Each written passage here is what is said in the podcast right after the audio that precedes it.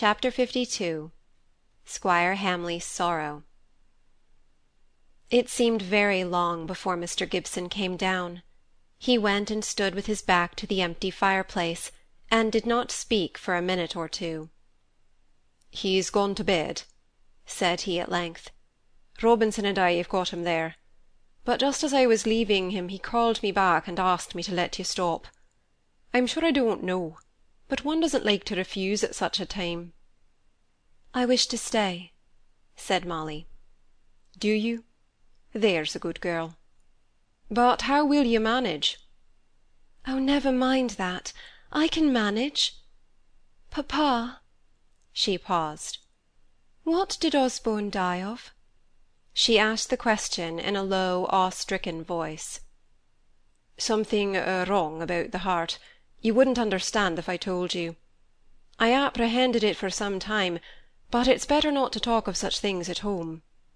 When I saw him on Thursday week he seemed better than I've seen him for a long time. I told Dr. Nicholls so. But one never can calculate in these complaints." "You saw him on Thursday week? Why, you never mentioned it," said Molly. "No, I don't talk of my patients at home. Besides, I didn't want him to consider me as his doctor, but as a friend. Any alarm about his own health would only have hastened the catastrophe." "Then didn't he know that he was ill? Ill of a dangerous complaint, I mean one that might end as it has done?" "No, certainly not. He would only have been watching his symptoms accelerating matters, in fact." "Oh, papa!" said Molly, shocked.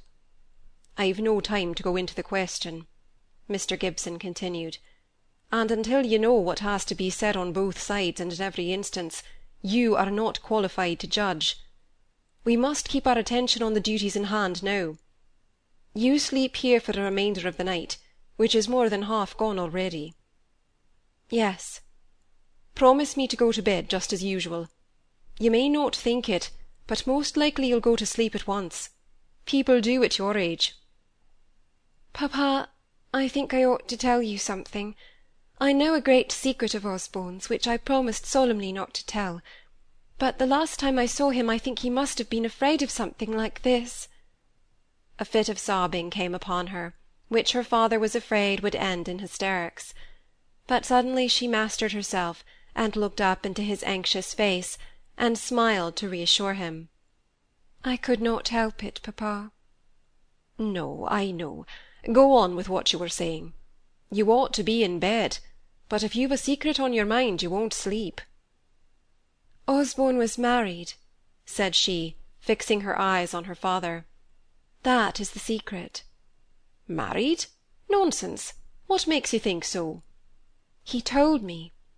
That's to say, I was in the library, was reading there some time ago, and Roger came and spoke to Osborne about his wife. Roger did not see me, but Osborne did. They made me promise secrecy. I don't think I did wrong." "Don't worry yourself about right or wrong just now. Tell me more about it at once." "I knew no more till six months ago, last November, when you went up to Lady Cumnor. Then he called and gave me his wife's address, but still under promise of secrecy. And except those two times, and once when Roger just alluded to it, I have never heard anyone mention the subject. I think he would have told me more that last time, only Miss Phoebe came in." "Where is this wife of his?" "Down in the south, near Winchester, I think. He said she was a Frenchwoman and a Roman Catholic, and I think he said she was a servant," added Molly. Phew! Her father made a long whistle of dismay. "And," continued Molly. He spoke of a child. Now you know as much as I do, papa, except the address. I have it written down safe at home." Forgetting apparently what time of night it was, Mr. Gibson sat down, stretched out his legs before him, put his hands in his pockets, and began to think. Molly sat still without speaking, too tired to do more than wait. "Well," said he at last, jumping up, "nothing can be done tonight. By tomorrow morning, perhaps, I may find out. Poor little pale face!" taking it between both his hands and kissing it. Poor sweet little pale face. Then he rang the bell, and told Robinson to send some maid servant to take Miss Gibson to her room. He won't be up early, said he in parting. The shock has lowered him too much to be energetic. Send breakfast up to him in his own room. I'll be here again before ten.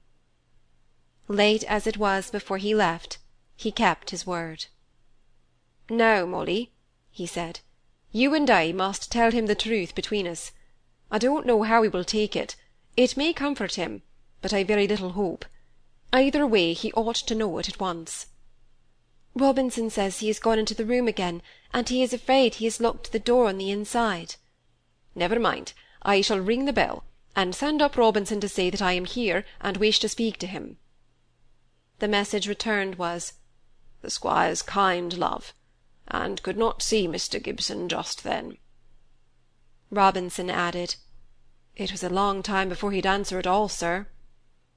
Go up again, and tell him I can wait his convenience. No, that's a lie, Mr. Gibson said, turning round to Molly as soon as Robinson had left the room.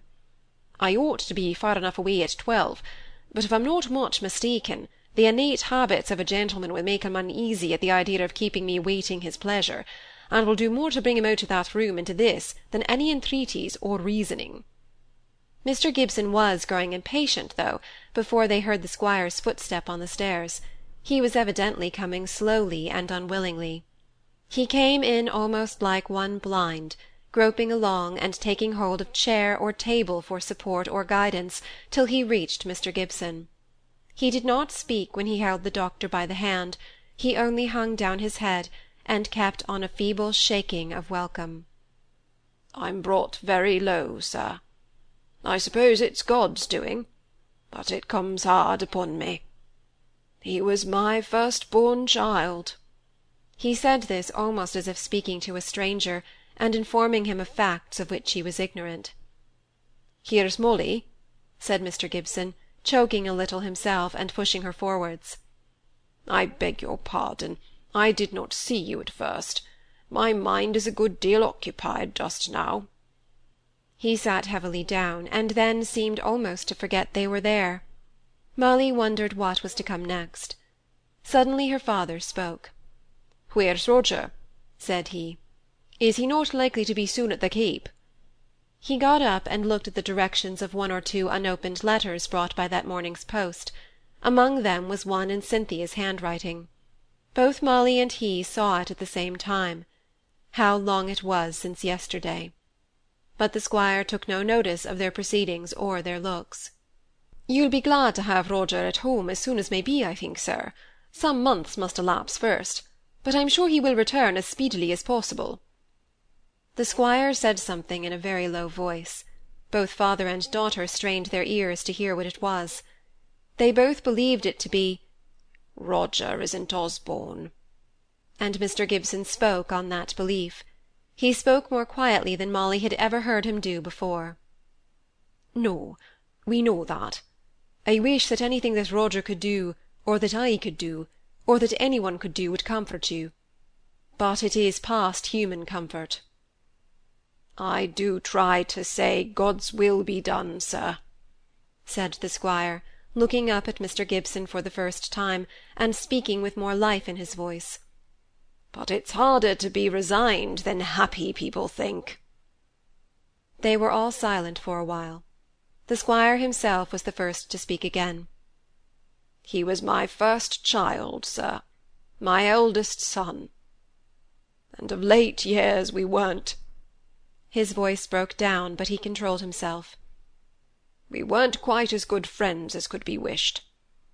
And I'm not sure, not sure that he knew how I loved him. And now he cried aloud with an exceeding bitter cry.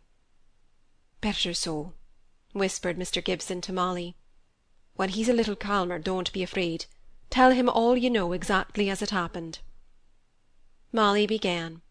Her voice sounded high and unnatural to herself, as if some one else was speaking but she made her words clear. The squire did not attempt to listen at first, at any rate. One day, when I was here, at the time of Mrs. Hamley's last illness, The squire here checked his convulsive breathing. I was in the library, and Osborne came in. He said he had only come in for a book, and that I was not to mind him, so I went on reading. Presently Roger came along in the flagged garden path just outside the window, which was open. He did not see me in the corner where I was sitting, and said to Osborne, Here's a letter from your wife.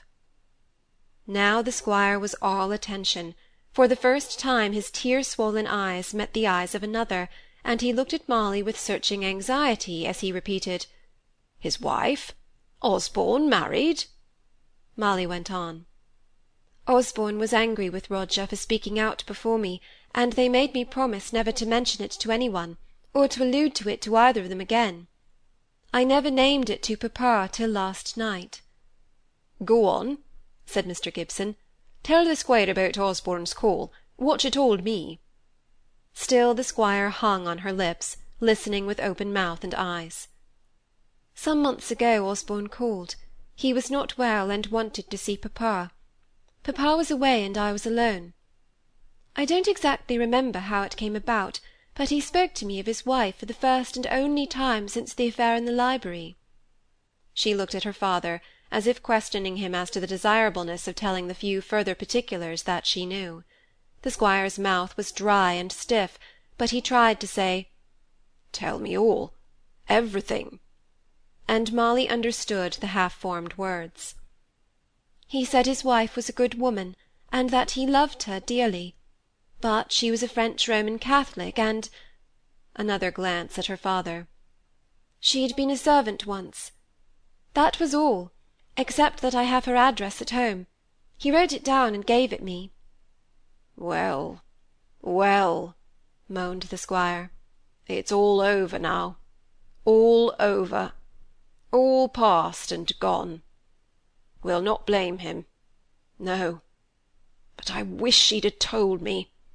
He and I to live together with such a secret in one of us. It's no wonder to me now. Nothing can be a wonder again for one never can tell what's in a man's heart.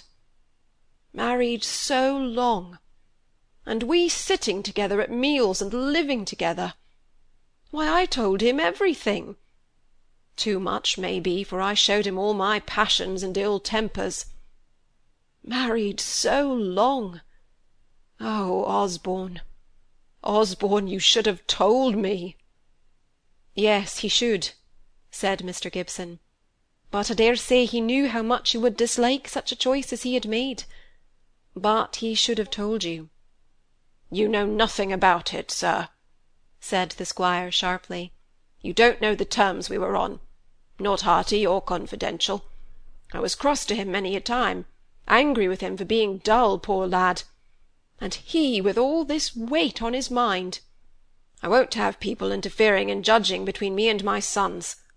And Roger, too. He could know it all, and keep it from me. Osborne evidently had bound him to secrecy, just as he bound me, said Molly. Roger could not help himself.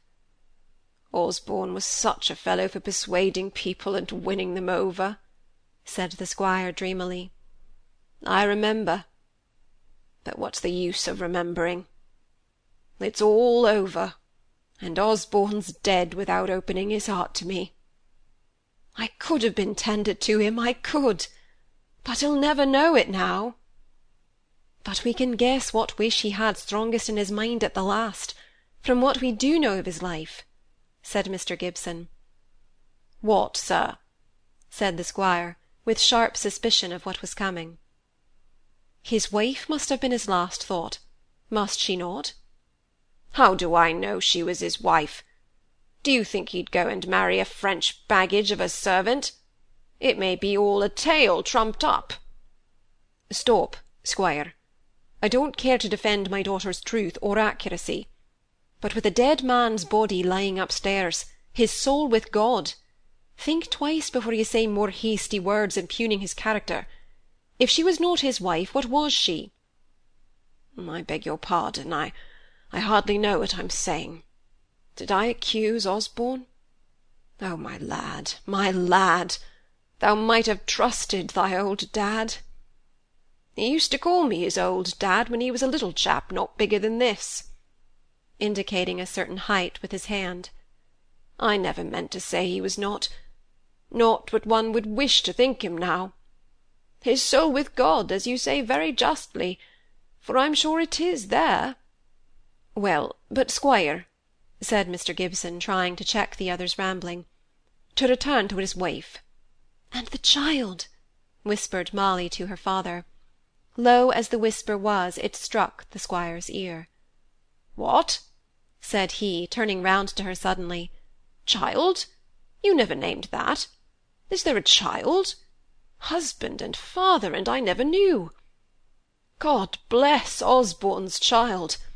I say, God bless it!" He stood up reverently, and the other two instinctively rose.